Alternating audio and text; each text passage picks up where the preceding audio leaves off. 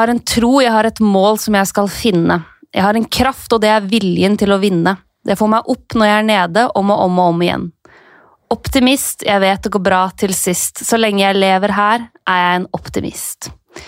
En liten hyllest til Jahn Teigen i dag. Det var på sin plass, eh, syns jeg. Hvil i fred, og takk for skiftet til en av Norges største artister. Eh, og optimist er jo på en måte i hvert fall mitt sånn soundtrack til eh, fantasy. Både når det går bra, og når det går dårlig. Eh, og denne runden her har det gått litt sånn midt på treet for min del. Jeg sitter ikke her alene i dag. Selvfølgelig gjør jeg ikke det. Jeg har fått besøk av Peder. Velkommen. Tusen takk. Alltid en glede. Ja, Veldig ålreit å ha deg med igjen. Er du fornøyd med runden din, eller? Yes, jeg er kjempefornøyd. Eh, ikke at det var sånn helt absurd bra, men det var bra nok. Jeg traff med byttene mine. Det er så sjeldent det har skjedd denne sesongen her, og jeg er, så jeg er veldig happy med det. Kasta inn et par Wolverhampton-spillere og fikk uttelling, og da kunne jeg glede meg gjennom helga. Ja, fordi det var altså en spiller denne runden her eh, som ble den store, store poengkongen. Eid av 3,7% To mål, én assist, tre bonuspoeng og 16 poeng totalt. Og han hadde du. Hvem var det? Ja, Diego Jota, eh, portugiseren som jo eh, med Europaliga-hat trick i bagasjen bare cruisa videre også i helga og skåra et par mål. Fikk vel en assist, og da var jo veldig nært hat tricket sitt der så er Nei, det var, det var strålende. Og banken han Jeg så uh, i ettertid at Magnus Carlsen hadde gjort det samme, så hvis ikke vurderinga var god nok fra før, så da sier det seg sjøl at vi Great minds think alike. Ja, du fikk jo mye mer ut av din uh, mann i Wolverhampton enn meg, som fortsatt sitter med Adama Traoré. han spilte jo i Europaligaen og starta kampen der. Men starta på benk igjen nå, så vi får se litt hva vi skal gjøre der. Eh, og så er jo jeg fornøyd med for byttet mitt også. Jeg måtte jo ta ut Hong Min Son. Dessverre. Jeg hadde jo ikke lyst til å ta han ut i det hele tatt. Han har jo sett kanonbra ut, men han måtte ut i og med at han har, uh, har fått en lang, langtidsskade. Tok inn Martial. Greit fornøyd med det. Åtte poeng. Ja, han er jo en uh, veldig god fotballspiller når han bare ønsker det sterkt nok sjøl, så det får vi bare håpe for din del at han fortsetter med. Da. Jeg har jo to ganske pene mål nå, et, først etter Europaligaen og så etter Premier League, så kanskje det er noe på gang for franskmannen. Men Hvordan har sesongen din gått siden forrige gang du var med her? da? Eh, jeg tipper jeg kanskje ligger høyere totalt sett enn jeg gjorde forrige gang. Jeg, men det, det, er jo en dårlig sesong uh, jevnt over. Det er det jo. Uh, men nå er jeg vel topp 500 000 i verden og cruiser inn et sted i ingenmannsland, sånn som det har sett ut som jeg kommer til å gjøre fra uke én. Men du plukka med deg småpenne 70 poeng denne runden her, da. Ja, det var bra, det. Så det er klart at all, alle monner drar, og nå er det er jo fortsatt et slags håp jeg har om å komme litt høyere enn ekspertligaen som vi har gående her, f.eks., eh, og andre venneligaer, men uh, det er ikke uh, Det er ikke mitt råeste fancy år, dette her heller. Du, satte, du kommenterte ikke helga, men du satte spillebørs på Chelsea mot Tottenham. Ja, sjelden kommenteringsfri, så det var deilig, det. Men uh, fotball, da fikk jeg jo sett mer fotball. For ofte er det sånn man ser det litt med et halvt øye mens jeg driver og forbereder meg til en annen kamp. Men så nå har jeg virkelig fått fulgt med og sett uh, alle matchene som har gått på TV, så det har vært uh, veldig deilig. og altså, Chelsea Spurs er alltid en veldig morsom match uansett, fordi det er et derby, det betyr alltid mye. og så må jeg si at jeg syns Spurs var ganske skuffende i den kampen. Mm, så det bærer jo, det bar jo spillebørsen min ganske stor uh, preg av. Syns eh, Chelsea var gode. Chelsea på sin beste sesongen her er jo veldig gode. Og det var bra mot Spurs, akkurat som de var det i jula også. Var det noen av spillerne hvis du satt der og skulle lage spillebørs du tenkte at ok, han her frister å ta inn på fantasy-laget mitt? Mm, nei, ikke egentlig. Det vil jeg ikke si, fordi altså ut fra tallene og sånn, så kan man tenke ja, Ross Barkley, kanskje. Men, er, Men, du skal aldri ha Ross Barkley? For det første skal du aldri ha Ross Barkley, og for du veit at det der sprekker. Og begge assistene er jo litt sånn Altså, Det er bra den siste han spiller fram til Alonso der. Eh, mens det første er jo litt mer tilfeldig. Han kunne fort ha scora, riktignok. Men, og jeg syns jo han var frisk hele matchen, men det er jo et eller annet med at du veit ikke helt hvor lenge det kommer til å vare, om han kommer til å spille. Så det er bra backer. Alonso syns jeg var strålende. Reece James veldig, veldig god, og har jo starta seks av sju siste. Og, men han er, koster fem, da! Ja. Han er litt dyr egentlig til å være en sånn ung gutt som eh, spiller sin første sesong med førstelagsfotball. Hadde han vært ned på et godt stykke ned på firetallet der, så hadde han vært et veldig aktuelt valg, syns jeg. Men med fem så blir det litt mer sånn ah, litt usikker. Men altså, jeg syns Reece James blir bedre for hver kamp jeg ser han. Ja, fantastisk. Jeg synes han er hvor de, Der hvor de andre unggutta i Chelsea starta sesongen veldig bra, og så har på en måte eh, hatt en formdupp, da. Altså Mason Mount, Tammy Abram. Så syns jeg Reece James bare blir bedre og bedre. Og hadde, hadde han hatt eh, Olivier Giroud å slå på hver eneste kamp, så hadde han hatt veldig mange flere målgivende. Og jeg synes Han har slått så mye gode innlegg denne sesongen her som eh, ikke har blitt mål, selv om det burde bli det. Mm. Ja, og Giroud har spilt eh, 90 minutter på fotball de siste to matchene. Fikk litt tid mot eh, Manchester United, fikk tid nå og skåra mål. Ser veldig skarp ut, syns jeg. da. Så det blir spennende å se hva Frank Lampard gjør, om han da velger å kanskje la Abram få en liten pause, da, og ikke starte hver eneste kamp, sånn som han har gjort opp igjennom, eller om han lar Giroud få litt mer spilletid. Så han har i hvert fall ikke gjort seg bort, og definitivt gjort seg fortjent til å få noen flere sjanser. Mm. Så må vi også bare helt innledningsvis her minne om at det skal jo spilles en del eh, europafotball, både i Champions League og Europaligaen denne uka her, så ikke gjør noen bytter nå. Vent med de, for nå har vi i, i kveld så skal jo da blant annet Chelsea i aksjon. Eh, I morgen så skal Manchester City spille mot Real Madrid, blant annet. Og så har vi jo en del engelske lag som er involvert i Europaligaen, sånn som f.eks. Manchester United, men også Wolverhampton eh, og for så vidt også Arsenal, men de har uansett ikke kamp, så det er ikke så viktig akkurat her og nå. Eh, Men, men vent til de kampene hun har gjort. Ja, men sett på alarm da, fredag formiddag, for det er jo match allerede fredag kveld. Norwich Leicester begynner jo da klokka ni, liksom, så fristen er eh, Man kan ikke vente for lenge heller, så her er det viktig å være litt påskrudd. Det er det absolutt, og vi skal definitivt være påskrudd når vi tar turen inn i nerdehjørnet. Åtte skudd på mål. 22 sjanser skapt. Heatmaps. 10 000 touch innafor 16. Minas nerdehjørne. Litt sånn todelt nerdehjørne den gangen her, for jeg har fått to veldig konkrete spørsmål. Det ene er fra Sebastian Bøhaugen, som lurer på hvilke midtstoppere som har flest avslutninger på mål, og hvem som får flest gule kort. Og Det er, det et veldig enkelt svar på. Fordi Det er to midtstoppere som eh, har flest skudd på mål så langt denne sesongen. Det er Jerry Mina og Virgil van Dijk. Og så er da Harry Maguire og Louis Dunk like bak. Det er gutta krutt.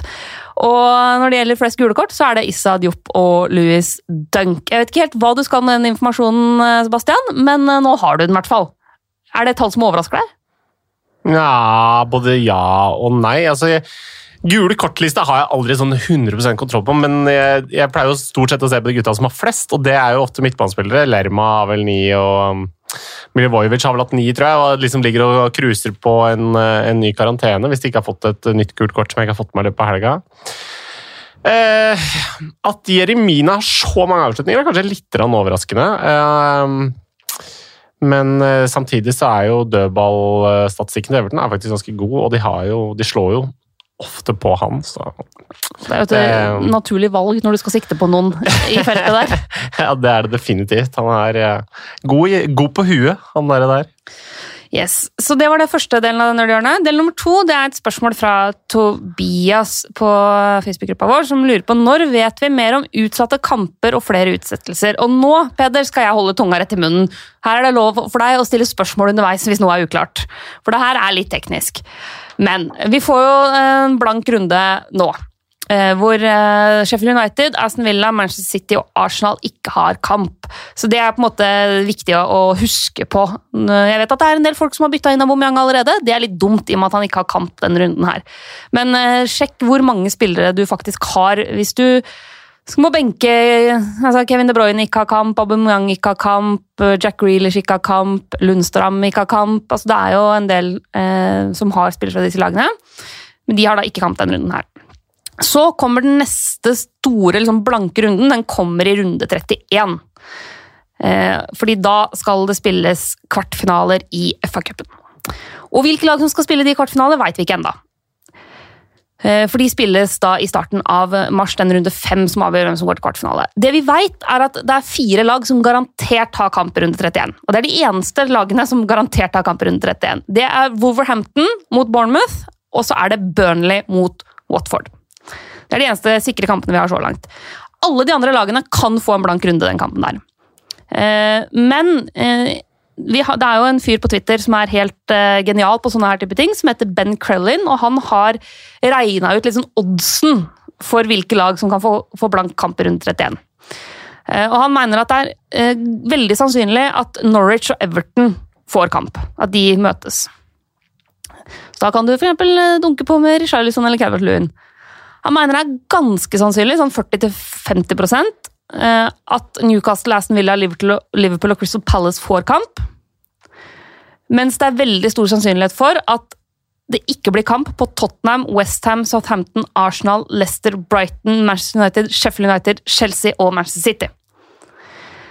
Hva gjør du med laget ditt hvis det plutselig bare er Wolverhampton, Watford, Burnley og Bournemouth som spiller i runde 31?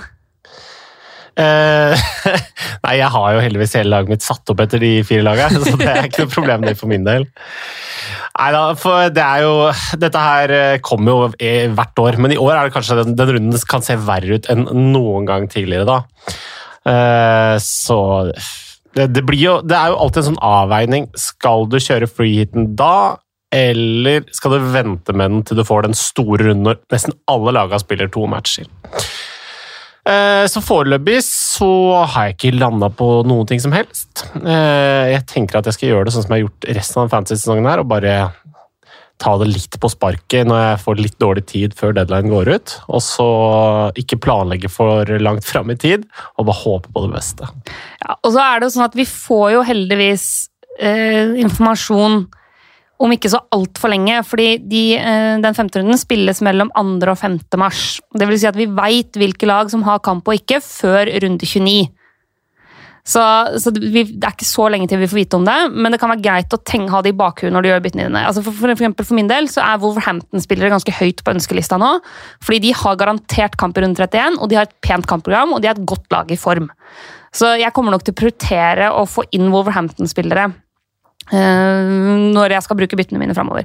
Så finnes det også en teoretisk mulighet for at Manchester City eh, mot Chelsea blir flytta til runde 29, og at de laga derfor har dobbeltrunde allerede i runde 29.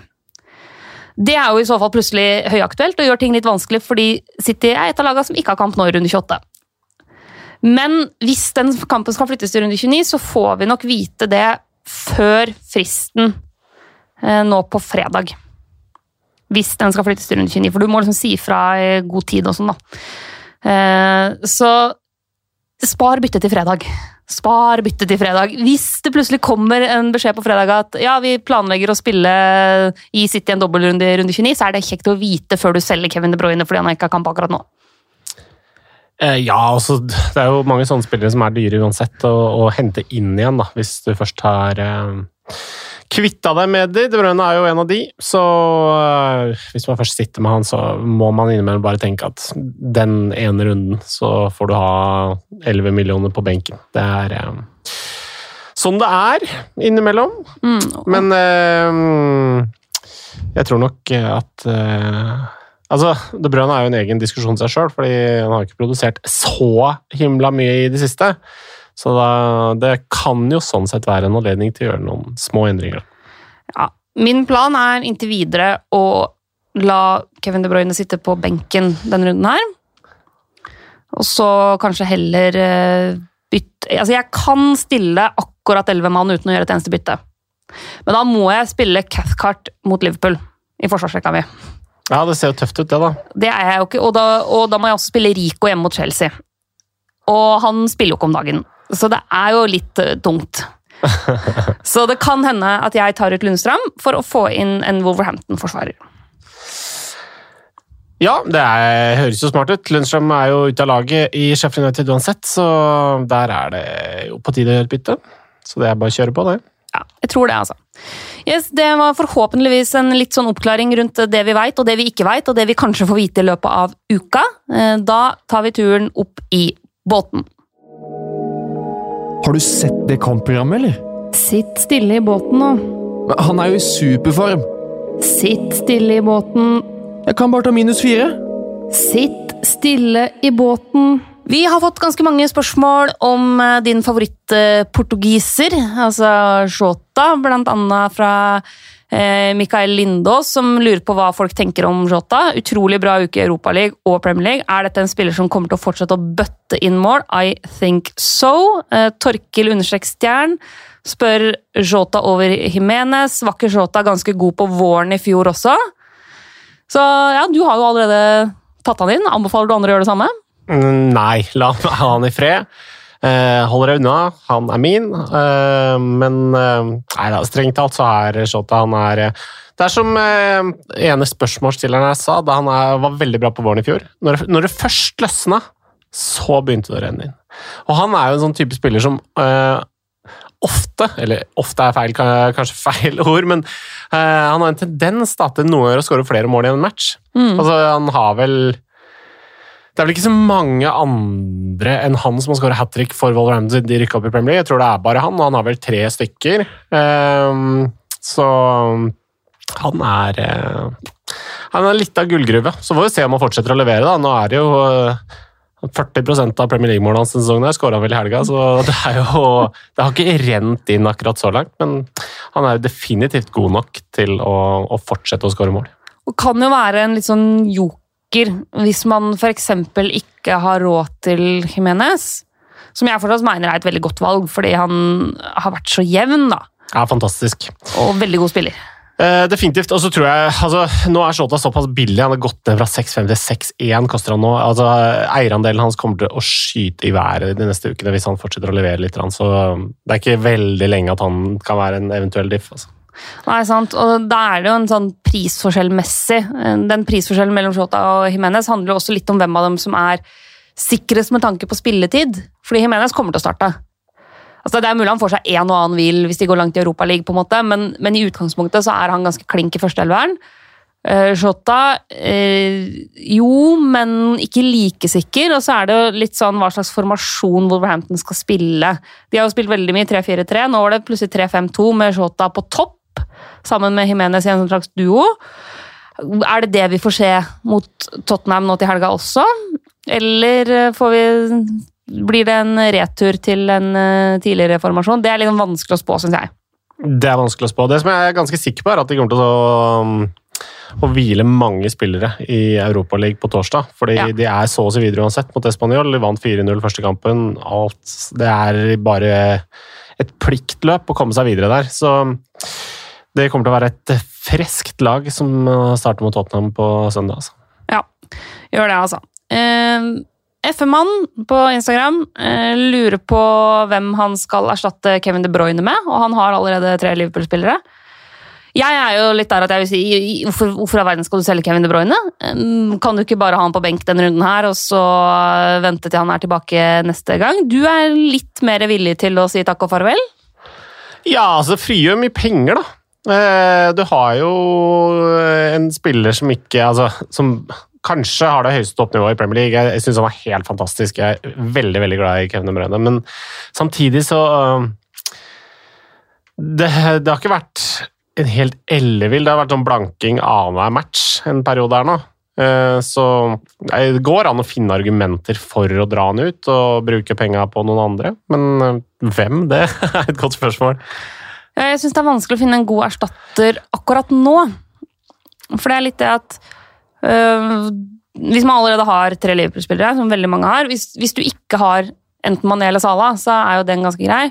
Uh, Hong Min Son skada. Han kunne vært en, en aktuell kandidat. Det er liksom ingen av de andre Tottenham-gutta jeg stoler nok på akkurat nå. Altså Dele Alli var jo benka nå i helga. Ja, og de har jo hatt en veldig middels sesong eh, sånn rent produktivt sett. Også.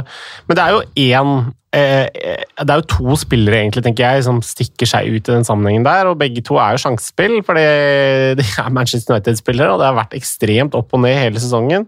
Men, eh, men Anthony Marcial Det går an å bruke statistikk til hva som helst, det skal jeg bevise nå. fordi de siste ni matchene så har han skåra seks mål. Og det er mest av alle midtbanespillere på fantasy. Han er like mye som Mohammed Salah, og han koster en brøkdel. Ja. Så eh, Anthony Martial er et eh, interessant alternativ, og så er det jo den, den nye, da, Bruno Fernandes, som koster omtrent det samme. Som er ekstremt opptatt av å skaffe seg sjøl mål eh, og assist. Det hørte han etter, etter matchen mot, eh, mot Watford, hvordan han var sånn ah, Martial han må score på den første, så jeg får en assist til. Det var det han var opptatt av. At det ble mål likevel var greit, det, men, eh, men, han vil ha målpoeng. Han er veldig opptatt av det. Og um, det er alltid en sånn en grei kvalitet i en spiller vi skal ha han på fantasy. da. Tok jo straffe. Ja, og det kommer han helt sikkert til å fortsette med. Ja, ja, ja. Altså, de har jo, det har jo vært litt opp og ned med straffetakerne i Manchester United. Mest ned. Ja, og med Rashford ute og Pogba ute, så er det jo ingen det er, Akkurat nå så er Bruno Fernandes litt sånn fus i alt på dødballer. Yep. Det er jo en fordel, selvfølgelig. Hvis du ser på, på tallene fra, fra, kampen nå i helga da, mot Watford, så er det jo sånn at uh, Bruno Fernandes, Mason Greenwood og Marcial har like mange avslutninger. Altså De har tre avslutninger alle sammen. Eh, Bruno Fernandes har én on target, Greenwood har tre on target og Marcial har to on target. Og så er selvfølgelig Bruno Fernandes eh, sjefen av eh, nøkkelpasninger. Altså, han er jo den som skaper mest, og det er jo ingen overraskelse heller at det er eh, han som gjør det. Og det er veldig mange som, som lurer på nettopp Bruno Fernandes. Eh, og sånn som Jonas eh, Wara, som eh, Litt pga. logistikken opp mot runde 28, så fikk Son Hongmin Son seg en runde på benken hos, hos han. Eh, men i bakgrunn, med bakgrunn på hva vi har sett den siste tida, er det da Bruno Fernandes eller Marcial som skal inn. Ingen andre er aktuelle, sier han. Um, ja, Det er et bra spørsmål. Det var akkurat sånn som jeg sa. så jeg, ja. Det får være altså Det er et tøft kampprogram for Manchester United. Eh, det som er jeg vil si, er et sånn pro med, med Bruno Fernandes, hvis du skal sitte og se alle disse matchene, her, er jo at han er en spiller som det skjer noe rundt hele tiden. Det er ikke sånn at han er Han er ikke ute av matchene i lang tid. Han er en type sånn dynamisk spiller som alltid eh, ønsker ballen, alltid er med på ting og prøver på ting, og så er kanskje noen ganger ambisjonsnivået vel høyt, men allikevel så er det sånn Det skjer ting rundt han, og det er veldig kult hvis du sitter og håper på målpoeng hele tida. Så gir det et lite ekstra element. Ja, og han, jeg, jeg mener jo at United har fått seg et løft etter at han kom inn. Uten tvil. Så jeg gikk jo for Martial før den runden her. Det handla egentlig om at uh, Marcial er litt høyere i bana. Bruno Fernandes har jo en tendens til å skyte mye utafor boks. Han har jo en veldig fin fot, men det er jo mye litt sånn langskudd. Så jeg ser jo for meg at Bruno Fernandes er en sånn type som sikkert kommer til å levere ganske jevnt og trutt assist, men først og fremst få målpoeng på dødballer. Og da er jo spørsmålet tror vi at United kommer til å få flust med straffer. Eh, kanskje. Tror vi at de kommer til å få veldig mange frispark i perfekt posisjon? Kanskje. Men Mens Martial er jo mindre avhengig av det, men kommer nok også til å variere mer i prestasjonene enn Bruno Fernandes, tror jeg. Ja, det gjør han jo alltid. Men så er jo så et av de viktigste argumentene mot å kjøpe en Manchester United-spiller nå, er egentlig eh, Everton borte neste gang. De kommer ikke til å skåre mye mål der. Så er det City hjemme. Der kommer de heller ikke til å skåre mye mål. Og så er det Spurs borte. Det er en ny, tøff kamp som kommer til å bli tett og jevn. Så Sheffield United det er jo ingen som bøtter inn på dem heller. Kanskje bortsett fra Manchester United, som faktisk skåra tre mål på det sist. Selv om det var eh, litt fluk. Så det er, eh, det er, mange tøffe, tette kamper eh, der det ikke kommer til å bli skåra mye mål, tipper jeg, da. Jeg tar jo feil hele tiden, så tenk sjøl, men uh, samtidig er, uh, kommer ikke til å renne inn altfor mye poeng. Nei, det er jo problemet her. Men det er litt sånn, jeg syns det er så vanskelig å finne gode alternativer på midtbana som ikke er Sala og Mané. Jeg, jeg savner liksom en sånn type Eden Hazard, et sånt alternativ. Eller Hongmin Son, nå som han har skade. Jeg syns det er vanskelig. Så da er det jo det er fristende å tenke ok, men gå, gå en del ned i pris, og bruk penga til å oppgradere den femte midtbanespilleren din, eller oppgradere på spissplass, eller oppgradere i forsvarsrekka. Fordi nå er jo Stirling snart på vei tilbake, eller er på vei tilbake igjen, mm, så det kan jo bli aktuelt uh, seinere. Men han var jo heller ikke i en form som forsvarte prisen før han ble skada. På ingen måte. Det har vært uh, egentlig har jo levert uh, litt etter sesongstarten, jeg skal ikke si det, men uh, han, han starta jo helt forrykende, og så har det etter det vært småtynt. da, Langt mellom høydepunktene for Stirling sin del. Og Mares uh, syns jeg jo tidvis ser veldig bra ut, men litt for, for usikkert kort. Altså, ja, jeg syns det er veldig veldig vanskelig å finne midtbanespillere som jeg syns er verdt prisen i det der premiumsjiktet, egentlig. Eh, enig. Så ja. Men Bruno Fernandes og Marcial er eh, absolutt ålreite alternativer eh, nå, på tross av at kampprogrammet ikke er liksom perfekt. Vi har fått spørsmål om Jack Grealish. Det er flere som lurer på hva de skal gjøre med han. Han har jo ikke kamp nå til helga, og leverte heller ikke forrige helg. Så der er det nok flere som ser sitt snitt til å, å få inn noen andre. Og hvem i all verden skal inn hvis Grealish skal ut? Eh, Iver.Carlsen lurer på om kanskje McNeil kan være interessant. Han så god ut i helgas runde. Det, kan det være et alternativ? Uh, McNeil er bra, tar mye dødballer, uh, møter Newcastle, så der kommer det ikke til å bli mye mål. Det blir noen dødballer, tipper jeg, og kanskje en scoring eller to. Vi får se. Det er to lag som jeg tror kan være godt fornøyd med, med et poeng hver. og jeg uh, Altså, Dwight McNeil er en bra fotballspiller. han bør nok etter hvert prøve å finne seg en ny klubb, tror jeg. Selv om en annen klubb der han får spille fast. Så han ville ikke vært mitt første valg inn her. Det er Brighton Crystal Palace.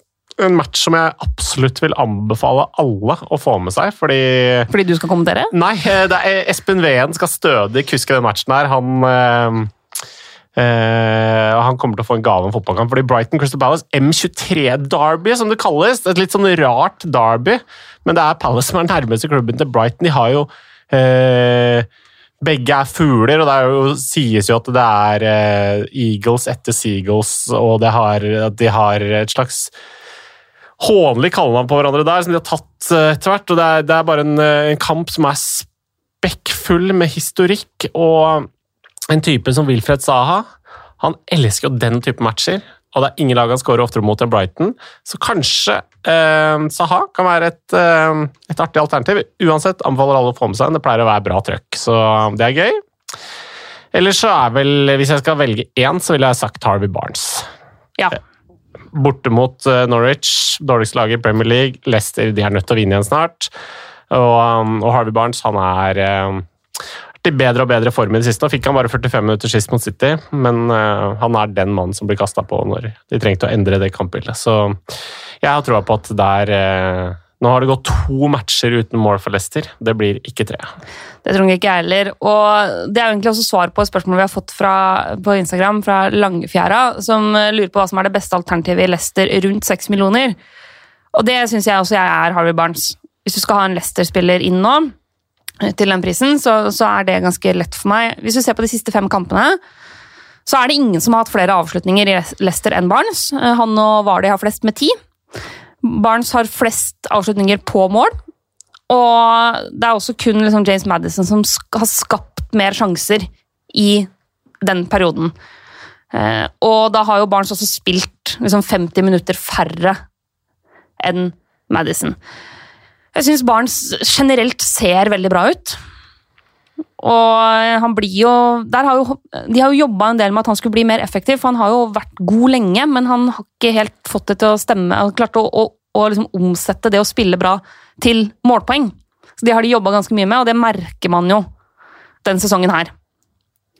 Eh, både når det, kommer, altså, når det kommer til mål og når det kommer til målgivende pasninger, så har han Jeg syns han blir bedre og bedre på det. da. Absolutt. Flest målgivende i Leicester denne sesongen her. Eh, det sier jo litt, at han er foran Madison på den eh, lista der. Og etter hvert begynte å skåre en del mål. Han hadde vel ja, hva er det han har? tre på de fem siste nå, så han er eh, absolutt en kar som jeg i hvert fall veldig sterkt vurderer å, å få inn. Men hvis du er opptatt av å prøve å skaffe deg flest mulig spillere til runde 31, så syns jeg absolutt at uh, Dwight McNeil er uh, litt artig valg, da. Hvis du skal ha en erstatter for, uh, for Jack Grealish. Jeg syns jo at McNeil liksom Hvis du ser på midtbanespillere som koster maks sju, så er han på topp tre når det gjelder liksom, å skape sjanser. Han er ikke like høyt på skuddstatistikken, det er han ikke. Men, men han ligger ganske høyt blant de sånn kreative spillerne da, eh, de siste fem kampene. Og, og, er jo litt sånn Er veldig ofte den som får ting til å skje i Burnley. Ja, definitivt. Han er involvert i mye, han. Det var jo jeg tror Forrige gang jeg var med, så snakka vi veldig pent om Dwight McNeil, og så har han ikke produsert noen verdens ting da, før nå, endelig! Så jeg, skal være litt forsiktig med å, å hype han altfor mye, men for all del, han er en, en, meget god og den klart mest spennende fotballspilleren av de gutta som er i Burnley. Og ingen midtbanespillere i den prisklassen har skapt flere store sjanser de siste fem kampene enn Dwight McNeil. Så litt artig, en, et litt artig alternativ, hvis du er først og fremst opptatt av å få inn spillere som du veit har kamp i runde 31, og da har liksom Burnley og Wolverhampton og sånn å velge i, eh, syns jeg. Eh, vi kan holde oss litt i Leicester, fordi det har jo blitt en sånn vane at vi diskuterer Jamie Vardy. Det ble ikke noe nå heller. Nei, det var fryktelig nært, da. Ja, og Emil også lurer på er Vardy aktuell igjen, grunnet kampprogram. Men han har også dårlig form. Så hva er, hva er liksom ståa rundt Vardy? Nei, det der snur, ass. Han så på hugget ut igjen, syns jeg, nå i, i helga mot City var eh, ordentlig på gang igjen. Han kommer alene mot keeper til uh, helga. Uh, så fredag kveld det kan nesten stille klokka etter. Så uh, om det blir mål eller ikke, det får vi se, men jeg tipper det. Ja, Han hadde jo stolpeskudd alene med keeper nå mot City. Og jeg kikka litt på tallene, og altså, han hadde like mange fordi Det som har gjort at jeg har vært veldig bekymra og egentlig hadde planer om å ta ut Vardy, var jo at han kom seg nesten ikke til avslutninger. Han hadde en periode nå hvor det, hvor det var veldig veldig tynt. Men mot City var han litt tilbake igjen. Han hadde like mange avslutninger mot City som han hadde totalt på de fem kampene før. Og det kan jo være et lite tegn til bedring hos eh, Jamie. Eh, og så syns jeg jo det er galskap å ta han ut før han skal møte Norwich. Ja, det er jo det, selv om Norwich har jo vært eh, Hjemmeformen deres er ikke så verst. i eh, Tapte jo riktignok forrige match, men det var jo mot Liverpool, og det, de hang med ganske bra ganske lenge. Og før det så var det tre matcher uten tap, så de De skal i hvert fall selge seg dyrt da, de siste månedene de får i Premier League, men uh, Leicester er jo et bedre fotballag og skal jo vinne den kampen her, men de får ikke noe lett match, det tror jeg ikke. Nei, Det tror ikke jeg heller, men uh, det er jo en, en, type kamp som jeg ser for meg også kan passe Vardø ganske godt. Mm. Fordi Norwich er jo et lag som Jeg, jeg også syns de, de, imponerte meg mot Liverpool, men eh, det er jo et lag som ofte går ut eh, på en måte som gjør at det blir rom. Det blir bakrom. Fort vekk. Og det er jo Vardis territorium. Ja, samtidig så forrige gang han møtte Norwich, hadde han spilt åtte matcher og skåra åtte strake, og skåra ikke mot Norwich. Men han var veldig nært. Han var han som skøyt det skuddet som Tim Krohl styrte inn i eget nett. Ja. Så jeg, jeg, tror på en måte, For min del så er det litt sånn Hvis du, hvis du har Vardi sånn som jeg har, og har liksom sittet med han gjennom alle de her møkkakampene hvor han ikke har levert noe som helst, så selger jeg Ikke selv nå, på en måte. Men øh, han, stod, han, ville, ville kanskje ikke stått øverst på lista mi på spillere jeg skulle tatt inn. Nei, men jeg tror han har hatt veldig veldig godt av en, um, den vinterpausa. Uh, han så fryktelig tung ut før det. Var Eh, var jo litt småskada og ble på en måte rusha tilbake inn i laget og så ikke ut som seg sjøl i det hele tatt. Så har det gått to uker nå der jeg bare har fått trent godt, og så plutselig er han tilbake. igjen. Så nå er det lenge siden forrige mål, men det, det kommer veldig snart. Ja.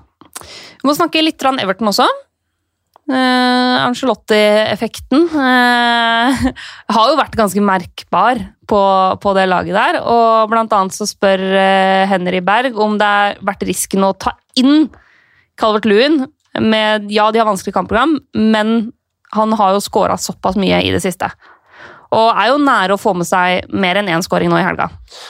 Ja, jeg har jo Calvert Lewin og hatt han en stund nå, og jeg er jo veldig svak for han som fotballspiller. Jeg syns han er en moderne engelsk spiss, liker jeg å si, fordi han har bra teknikk, men samtidig så har han sånn veldig tilstedeværelse. Ekstremt sterk i kroppen og bra på huet. er litt sånn han er eh, litt sånn skolert etter den gamle engelske eh, formen, men, eh, men har litt mer å spille på da, enn de der gamle championship-spissene.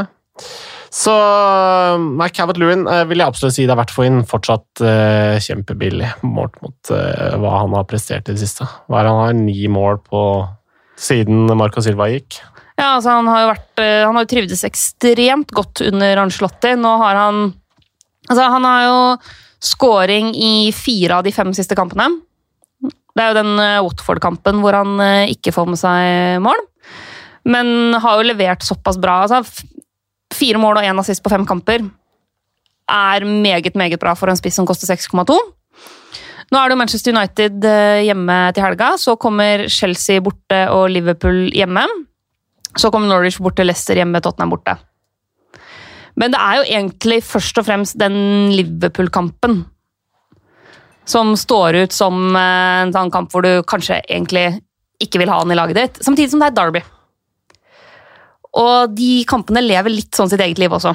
Ja, og så er det jo eh, Nå skal det spilles en del kamper før den tid, men det er jo sånn som det ser ut nå, et sted der Liverpool faktisk kan vinne ligaen. Og hvis det blir tilfellet, at det er det de spiller for den matchen der, så kommer eh, det til å være et eh, Goodison som er helt fyrt opp og veldig interessert i å nekte dem det, da. Men det er lenge til. Eh, og jeg er ikke så bekymra for kampprogrammet. Hva er det man pleier å si? Form over fixtures? Ja, det er jo en evig debatt i fantasy-miljøet, men det er ikke aktuelt for meg å stelle Calvert Lewin nå, i hvert fall. Det er det ikke. Altså, Sitter man med han nå, så er det ingen grunn til å selge han. Men sånn som eh, Anders Sagbakken som lurer på Calvert Lewin eller Shota. Hvem av de to ville du valgt hvis du bare skulle velge en av dem? Uh, ja, den er verre, syns jeg. Eh, ekstremt jevnt. Calvert Lewin har vært utrolig solid, og han kan skåre mål mot absolutt alle lag i ligaen. Eh, Jota litt mer eh, hva skal jeg si eh, Litt mer usikkert kort, da. Eh, men har på en måte momentumet i enda større grad. Så um, er det mulig å ta inn begge, så går det an å gjøre det. Eller så tror jeg det der er bare stikk fingeren i været og håpe på det beste. Hvis du er opptatt av runde 31, så kan du jo la det gjøre valget for deg, og da gå for det laget som garantert har kamp, selv om Everton har ganske gode mm. muligheter til å få eh, kamp i runde 31, de også, som egentlig er en god nyhet, fordi den runde 31 jo, den kan jo bli fryktelig, fryktelig blytung. Hvis det kun er liksom eh, Wolverhampton, Bournemouth, Burnley og Watford vi kan velge fra. Men det er da sånn at Everton får kamp hvis Norwich ikke slår Tottenham i cupen. Ja, så, så hvis, du tror, hvis du tror at Tottenham slår Norwich, så kan du også vurdere å Everton spille inn med tanke på runde 31. Det går også an å si sånn at Hvis du er flink til å planlegge, som Mina, så kan du satse på Wolverhampton. Er du et rotue som meg, så ta sjansen på Calvert Lewin. veldig, veldig fint oppspørt. uh, vi har fått også en del spørsmål om uh, Lundstrand. Det er også blitt en vanlig spalte uh, her i denne podkasten. Blant annet Inchen 2103. Ut med Lundstrøm? spørsmålstegn, Trenger gode alternativer på en forsvarsspiller under 5,5. og Da handler det om å kvitte seg med Sheffield United-spillere, og det er det flere andre som er i den samme situasjonen, som kanskje ikke har fått bytta ut Lundstrøm ennå, fordi det har vært andre ting som har eh, hasta mer. Og så er det selvfølgelig det at Sheffield United ikke har kamp til helga. Er det noen eh, liksom, forsvarsspillere under 5,5 millioner som du tenker at er uh, gullfine å få inn nå? Ja, det er jo Wolverhampton-spillere, da, først og fremst. Holdt nullen uh, tre på rad. Men jeg er jo litt sånn det er greit at Sheffield United ikke spiller match nå, men er, jeg syns ikke det er noe dårlig investering å bare bytte han ut med en annen Sheffield United-forsvarer. Da. da blir det jo en faktisk forsvarsspiller, da, og ikke en, en, midtbanespiller som er forsvarsspiller på spillet. Men um, Men på, på Wolverhampton er det mange gode alternativer. Der har du Seis, der har du Willy Bolli, som de slår mye dødballer eh, mot. En av de to ville jeg vel kanskje valgt, så er jo Docherty litt dyrere, men eh, den som plukker mest poeng. Men det er et par gode alternativer der. Ellers så er det vel eh, eh, den andre klubben som har holdt nullen i tre på rad, er Manchester United. Da. Så er det noen der. Ja.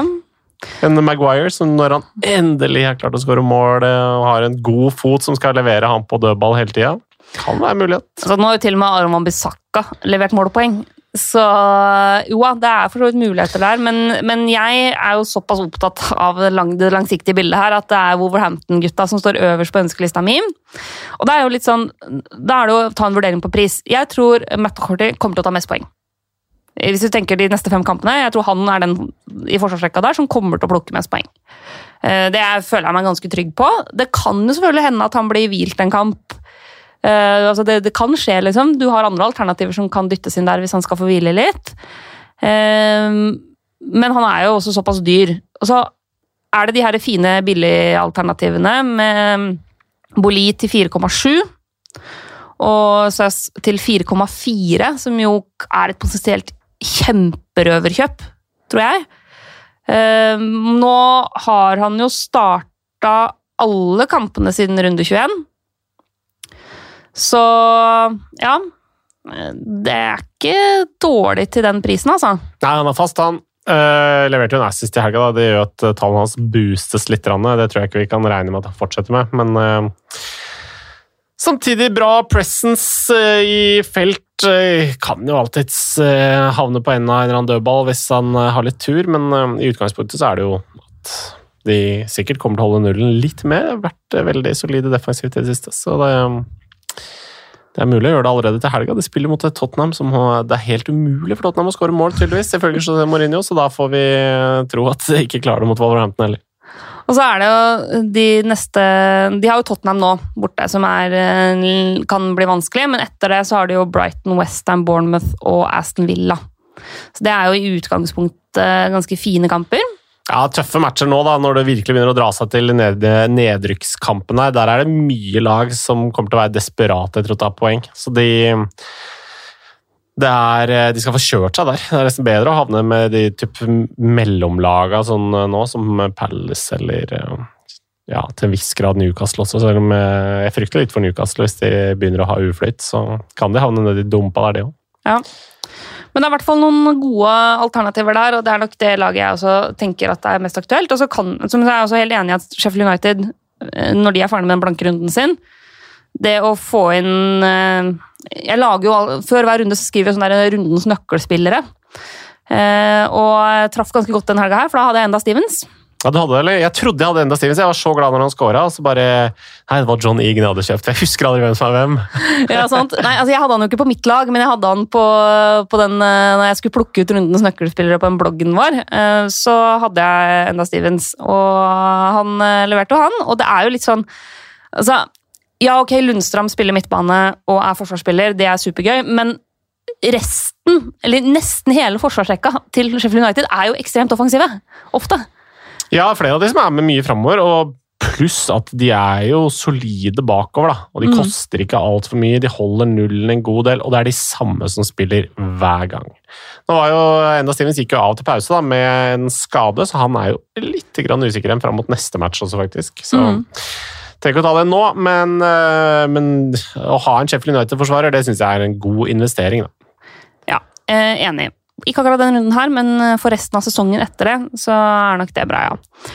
Eh, Det er flere som er på jakt etter billige midtbanespillere. Det er mulig at vi har konkludert allerede, men hvis du kunne velge helt fritt best, de beste midtbanespillerne som koster mindre enn 6,5 de neste fem rundene, er det Harvey Barnes som eh, stikker av med seieren? Ja, jeg tror det hadde valgt øh, Harvey Barnes først, ja. Um, det er i hvert fall han jeg vurderer sterkest selv. Og så um, er det jo Det er jo alltid noen andre spennende alternativer, da, hvis man ønsker litt sånn øh, ønsker å ta noen sjanser, så kan jo en Oxlade Chamberlain for eksempel, være et alternativ. Han er jo selvfølgelig fryktelig usikker på om han eh, starter eller ikke, men han har jo starta mye matcher i det siste, skåra et par mål, er en, eh, er en god fotballspiller, så kanskje det kan være et eh, lite alternativ. Hvis man eh, ikke har tre Liverpool-spillere og har lyst til å få inn en billig en. Uh, ellers så er det Det alltids uh, noe å hente hos eh, et Chelsea. Jeg synes jo Selv om Mason Mount nå har produsert lite i det siste, syns jeg Mason Mount var veldig god mot eh, Tottenham når han kom inn. Var virkelig med å sette fart på, um, på Chelsea, så kanskje han kvikner til igjen, også målpoengsmessig. Og så, hvis man er gæren nok, så er selvfølgelig Ross Barkley et mulighet. da. Og et lite også obs, obs. Eh, Loftus Cheek tilbake på benk. Ja, veldig spennende. Og med i troppen. Han eh, er jo kan, ja, han- skal jeg følge med på. Ja, og jeg håper jo å se han på banen igjen snart også. Han er jo en meget god fotballspiller som det har vært eh, synd å se har vært så lenge ute med skade. Helt enig. Det var det vi rakk i båten, men vi skal ta en liten runde til duellen.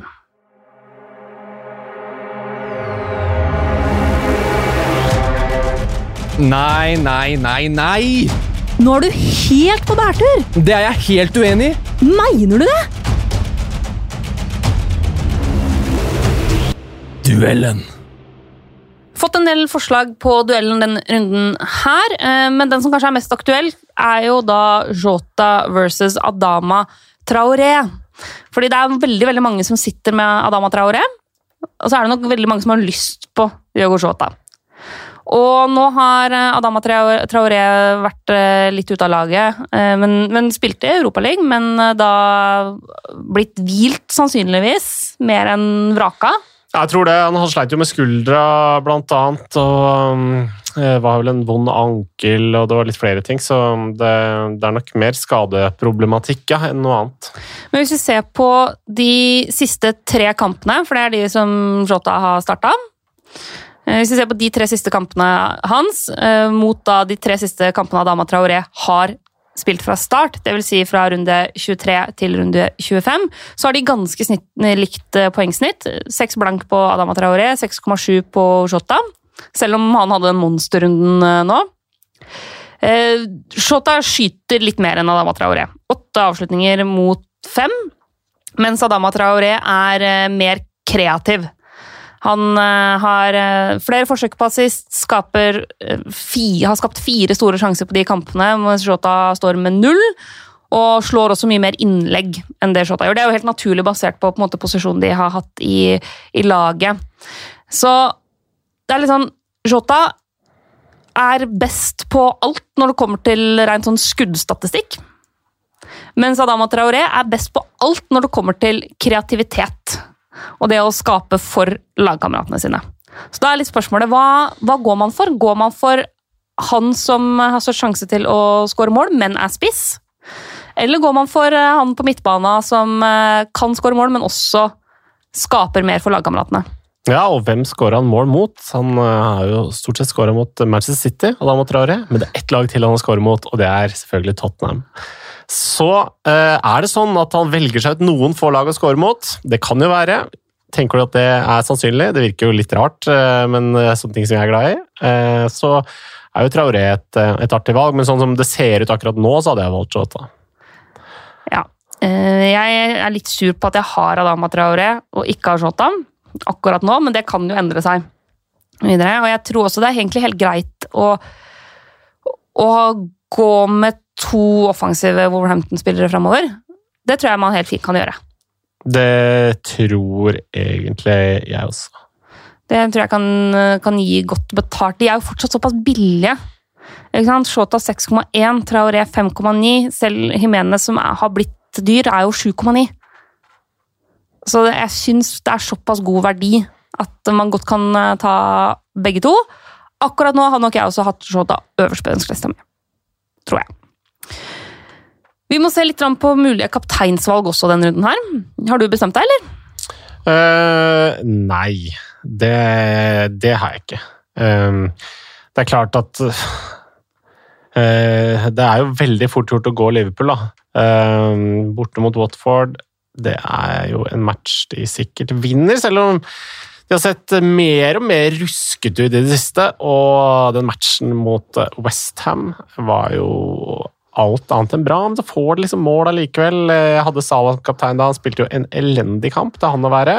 Men takk til Fabianski der. Men skår mål allikevel, ikke sant? Så, så, det trygge valget er jo selvfølgelig å gå, um, å gå Liverpool, og da tenker jeg kanskje at jeg penser over på en uh, Mané isteden. Eller så er um, alle lag som spiller mot Norwich, er uh, interessante. Um, så en, uh, å kunne dunke inn en Jamie Vardy der hvis man har råd, eller har han fortsatt, uh, tror jeg er aktuelt. Eller så er det um, en, en, outside punt. Da tror jeg sier Sahas mot, uh, mot Brighton. Fordi han bare elsker å spille Derbies og elsker å score og være grusom i sånne kamper som det der. Det er litt interessant. Men de, jeg er jo helt enig i at Liverpool peker seg ut som uh, veldig aktuelle for kapteinsbindet i, i denne runden her, i og med at de spiller mot Watford. Hvis du ser på de siste fem kampene De som har tatt flest poeng for uh, Liverpool på de kampene, det er jo sånn Jordan Henderson, for eksempel. Eh, Alison har jo plukka veldig bra. Van Dijk har plukka bra. Altså, det er jo mange av de spillerne også som, uh, som er litt med i, i diskusjonen her. Eh, og den som har plukka aller, aller flest poeng, er selvfølgelig Sala, men like bak Alexander Arnold, altså. Ja, han er jo et unikum, han der. Han var jo noen centimeter unna et hat trick assist mot, uh, mot Westham etter at det siste målet til Mané ble annullert. Så um, Alexander Arnold er jo Når de har holdt nullen så mye som de har i et siste Liverpool, så er en forsvarsspiller et litt interessant alternativ. Det er veldig fort gjort at man går for de offensive spillerne, men um, en forsvarsspiller det er ikke så dumt, og i hvert fall ikke når det er en som leverer så mye assist som Alexander Arnold. Altså, Alexander Arnold har ikke blanka siden runde 16. Ja, det er jo helt Da har han jo et par runder selvfølgelig hvor han bare får clean sheets og bare seks poeng, men, men, det er jo fortsatt på en måte det å få seks poeng på, eller fem poeng på kapteinen, da. Uh, sånn, han fikk jo fem poeng mot Wolverhampton, da uh, Men fortsatt det. altså ok, Fem poeng på en kaptein, det er det er innafor, det, altså. Så han, jo, han har jo faktisk levert i flere kamper enn Sala, som har flere blanke i den perioden. Så Trent Alexander Arnold er litt sånn Jeg vurderer det, faktisk. Syns det er spennende. Og det er jo egentlig Ja, det er Liverpool og Vardy det står mellom for meg, men jeg kommer ikke til å tørre Vardy fordi han har vært altså, ja, Han så bedre ut mot City, men det han har levert i siste, er såpass svakt at jeg stoler ikke på det. Og Da blir det nok eh, Liverpool, altså. Men om det blir det åpnere valget i Salah, eller om jeg skal gå for Trent Alexander Arnold Tja. Det, det er jo Jeg syns i hvert fall det er, tankene er spennende. Eh, et annet lag som har hatt veldig flyt defensivt i det siste, i, hvis man skal begynne å tenke sånn alt jevner seg ut, er jo eh, Manchester United, som har holdt nullen riktignok tre kamper på rad. Men det er jo flere, noen vareavgjørelser unna ganske mange baklengsmål. Slitt på defensive dødballer, slitt med å få ballen ut av eget felt. Vært en del uh, den typen problematikk. Det virker ut som de stresses av lag som er gode og robuste fysisk. Så det er jo akkurat det Everton kommer med, med Richarlison og Cavett Lewin på topp. Så kanskje en Calvert Lewin, hvis du ikke liker Manchester United og har lyst til å, å juble litt ekstra når eh, han skårer mål, så er det en, eh, en, liten outsider for å kaste fram litt andre spillere. Ja, det, det, er interessant. Jeg kommer ikke til å gjøre det sjøl, men det er interessant. Men vi er inne i en, en fase av sesongen Mina, der eh, desperasjonen virkelig begynner å melde seg. Og det er verdt ta med i det store bildet. At nå er det viktig å prøve å gjøre liksom de små grepene som skiller deg ut fra alle de andre. Fordi lagene ligner jo eh, alltid mer og mer på hverandre. ikke sant? Man har mange av de samme spillerne. Alle sitter med Sala, alle sitter med De Bruyne, alle sitter med liksom, eh, en Søyensjø og en Liverpool-forsvarer. Alle de har tatt mange av de samme spillerne som bare jobber seg inn på laget gjennom sesongen. Um, så nå, nå, er tida for å være litt gæren. Prøv, ja. prøv deg litt fram. Og så kan det innimellom lykkes, og ingenting føles bedre. Det er eh, faktisk også et poeng, altså. Eh, nei, kanskje det er tida for å, å gamble, og i den grad man kan kalle en gamble Alexander Arnold, 18 runder med mer enn fem poeng så langt denne sesongen. Det er eh, meget solid. Ja, Han er vel den spilleren eh, på spillet som har tatt tredje mest poeng totalt. Altså helt outsider kan jo ikke si at han er. Nei, men, men det er så lett at man tenker Salah Mané. Ja, ja, definitivt. Og når eh, Alexander Arnold leverer eh, Han begynner å nærme seg en litt sånn, sånn eh, Dani Alves-takter på det han leverer på bekken der, så eh, ja. Så er det høyinteressant. Yes, det var det vi rakk denne gangen. Husk å spare byttene. Spar, spar, spar bytter. Det er Europaliga og det er Champions League, og vi kan få mer informasjon i løpet av uka hvis vi er heldige. Så ikke gjør bytte før fredag, men hør på Peder og sett på alarmen, sånn at du husker fristen fredag kveld, og ikke gå på en kjempesmell der. Tusen takk for at du var med, Peder. Jo, bare hyggelig. Alltid en ære det å få være med på den eh, fenomenale podkasten. Og veldig fint å kunne ha deg inn rett etter at du hadde truffet så blink på byttene dine. Det er eh, helt nydelig. Ja, det ble helt garantert siste gang. Vi snakkes neste uke, kjære lyttere. Og så kommer det selvfølgelig litt oppdateringer og sånn på fredag, når vi veit hva som eh, har skjedd på diverse pressekonferanser, og om det er noen skadenyheter osv. Vi høres! あっ!